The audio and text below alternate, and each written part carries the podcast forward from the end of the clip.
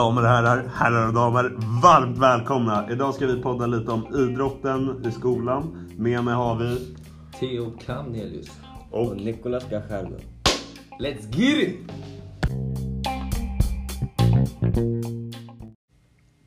Det här med skolidrotten, Jakob, hur känner du? Har du någon kärlek kring det? Jag tycker personligen inte det är skitroligt. eh, Eftersom att jag idrottar utanför skolan. Jag spelar ishockey. Hur mycket tränar du där Fyra till fem aktiva dagar i veckan.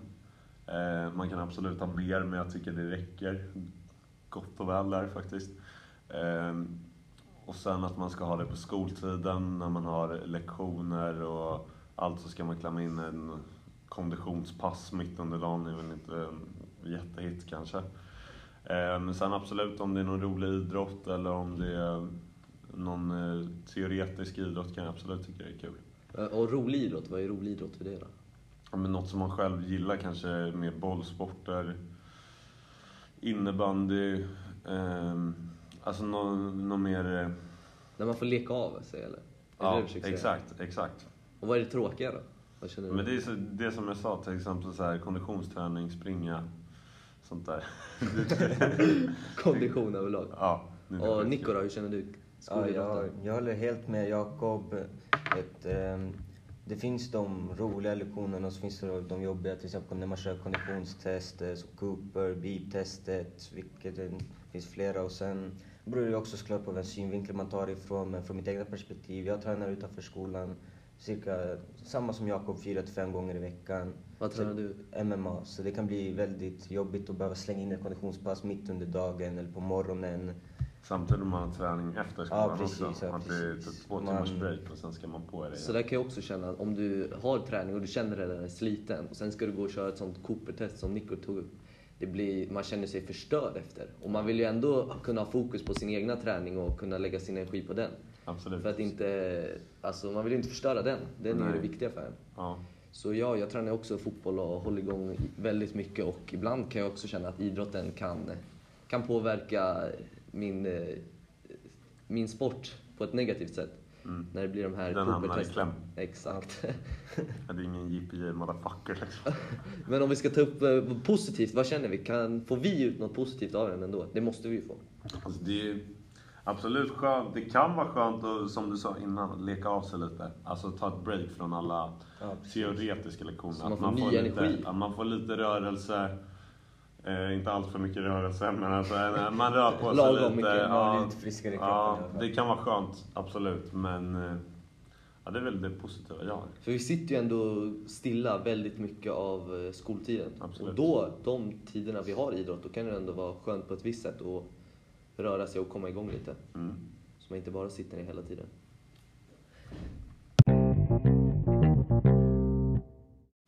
Vi pratade ju om innan att det här med skolidrotten från vårt perspektiv. Och vi alla tre håller på med väldigt mycket idrott utöver skolidrotten. Och då kände vi att ibland kan det bli för mycket. Men det hade också positiva effekter, som vi tidigare nämnde. Men hur hjälper idrotten en elev som inte håller på med idrotten, idrott på fritiden att hålla sig frisk? Vad känner vi där? Börja du Nico. Ja, jag skulle säga att du kan påverka dem på ett väldigt positivt sätt. Utöver också om de väl äter normalt hemma eller äter dåligt. Då Normalt, vad menar du då? kanske äter en nyttig middag någon gång i veckan istället för varje dag käka skräp. Så kanske då påverkar ju dem bättre än vad det gör för eleverna som bara äter skräp och sen idrottar. För det kommer ju ändå inte göra någon nytta då. Så det skulle väl påverka på ett väldigt positivt sätt för de får ju röra kroppen. Eh, Det finns vissa ja, konditionslektioner, vissa styrkelektioner. Så då de får ju lite av olika. Så har vi ju aktiviteter som fotboll, bollsporter som vi tog upp tidigare. Så det måste ju påverka dem på ett ganska bra sätt. Så då får de sin motion som de inte... Ja precis, så de får sin motion i veckan. Ja, det låter bra. Jakob? Menar du de som inte idrottar något alls? Eller De- menar du de som gymmar? För Nej, vissa de kan ju gymmar- gymma 5 6 Vi tar de exempel som inte, de gymmar inte, de tränar ingenting på fritiden. Okej. De är här i skolan, de pluggar, de gör sitt. Vad, vad hjälper skolidrotten dem? Alltså, Hur håller de sig friska med hjälp av skolidrotten? eftersom att de inte sysslar med något. Eh, är det antingen för att de inte är intresserade. Eh, och då tror jag att vissa ser det nog bara som pest och pina och tänker fan jag pallar inte. Eh, vissa kanske tycker det är kul för att de inte går på någon sport annars och ser det här som en jättemöjlighet. Men jag tror det finns två, två sidor. De här personerna som tycker det är pest och pina som du nämnde. Kan det vara något positivt för dem ändå? Ja, om de gör det de ska, alltså, så att de inte bara kommer dit, sitter där på bänken, tar närvaro och går.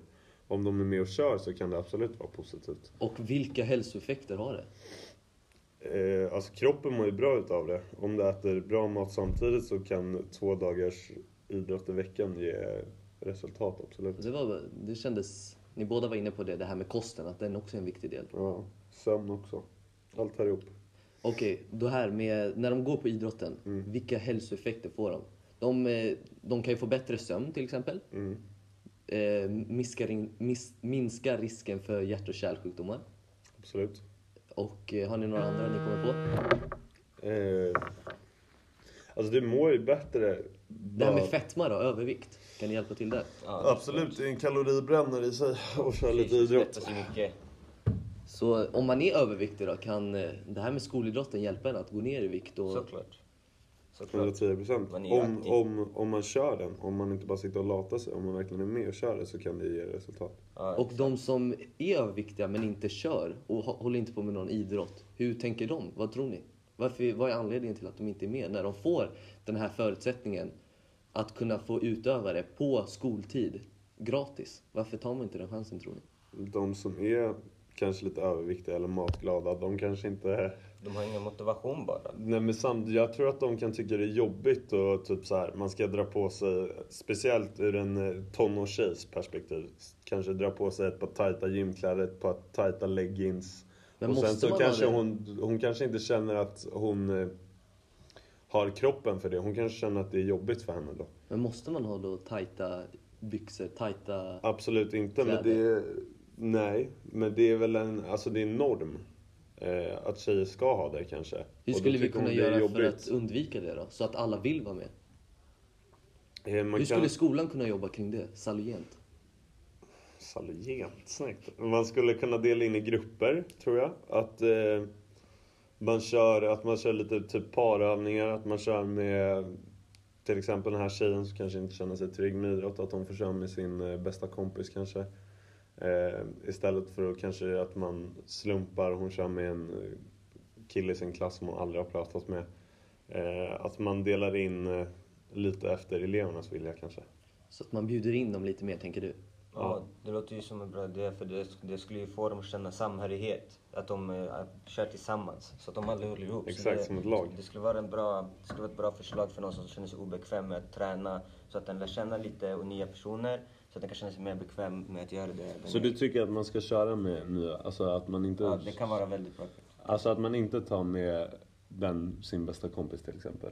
Eh, Det går ju såklart från person till person men i mitt egna perspektiv är att det faktiskt skulle vara bra att köra med lite nytt folk. Så att Det är, alltså, det är absolut bra, men jag tänker att med nytt folk så du känner dig mer bekväm.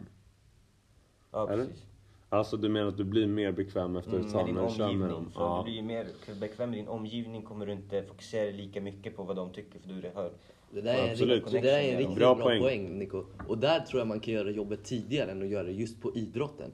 Jag tror man redan kan jobba med det där i klassrummen för att få dem att känna en trygghet. Och sen när man kommer ut till idrottslektioner, att man redan där känner samhörigheten och att man känner sig trygg helt enkelt. Absolut. Det kan ju börja antingen på lektioner eller på idrotten.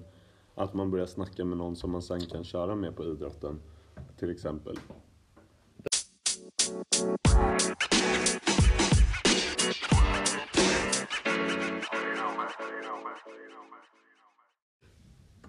Nu har vi pratat väldigt mycket om skolidrotten och den praktiska biten. Men här på Fredrika Bremer får vi faktiskt även teoretisk utbildning kring skolidrotten. Och vad har vi för tankar kring det här? Eh, jag tycker det är väldigt positivt för man kan, eh, just den här linjen som vi går, barn och fritid, så kan man få, vi läser ju mycket om skelett, om, eh, Anatomi. exakt, eh, och då ska man kunna skelettens namn på latin om man vill bli en naprapat. PT, personlig PT. tränare. Man kan bli naprapat. Vad är det skolan erbjuder där? Har vi koll på det? Nico? Eh, vad de gör är att de erbjuder, de erbjuder dig att ta några, någon kurs Och för att bli Trainings Academy heter den. Precis. Och då ska, kräver de att du kan prata latin och att du har koll på kost och träning. Och eh, den här, vad jag har hört, kostar den runt 20 000 kronor. Ja, precis. Och skolan erbjuder att betala ut hälften av kursen. Är det, är det inte hela? Jag har för mig att det är hela. Uh, vad jag, Jag tror också det hela. Men jag vet inte. Skolan i alla fall Hur som helst är det en motivation ja, de, de erbjuder att betala. De. Och eh, de hjälper ju till där en eh, väldigt stor del Mm. med eh, att erbjuda den här utbildningen, för det är inte alla som gör det. Ekonomiska resursen. Exakt. Okej, men vad har vi andra för teoretiska bitar som vi får utan att behöva gå någon kurs utöver skolan? Vi har ju varit inne på, vi har ju anatomi som vi har pratat väldigt mycket kring. Och sen har vi ergonomi och pulsträning som har varit de senaste. Ja, precis. Mm. Och eh, när vi pratar om det här då får vi ju en inblick i hur kroppen fungerar. Och eh, hur vi ska använda kroppen på rätt sätt. Som nu när vi är inne på den här ergonomi, då har vi fått testa olika eh, rörelser och eh, positioner man kan använda sig i sitt vardagliga liv för att få en förbättring.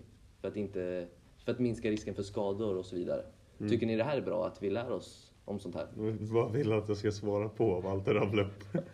Det här med ergonomi, att vi lär oss hur kroppen, hur vi ska hantera den på bästa sätt. Ja, det är jättebra. Då vet man ju alltså, hur man ska undvika skador i olika övningar. Eh, hur man ska få ut, alltså om man ska köra ett pass, hur man ska få ut eh, maxpuls, eh, snabbast resultat på snabbast möjligaste sätt. Eh, det är en jättefördel tycker jag på pulsträningen Nico, vad får vi ut av att vi lär oss teoretiskt om hur pulsträning ger oss för effekter på kroppen? Ja, det, jag, jag tycker det är väldigt bra det där för vet du, um, ju- vi alla tre här som utövar var, varsin sport behöver ju veta var våra begränsningar sitter. Så jag tycker det där är mycket, väldigt viktigt att veta.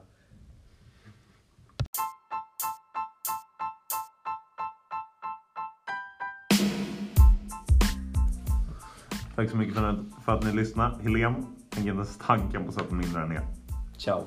We out.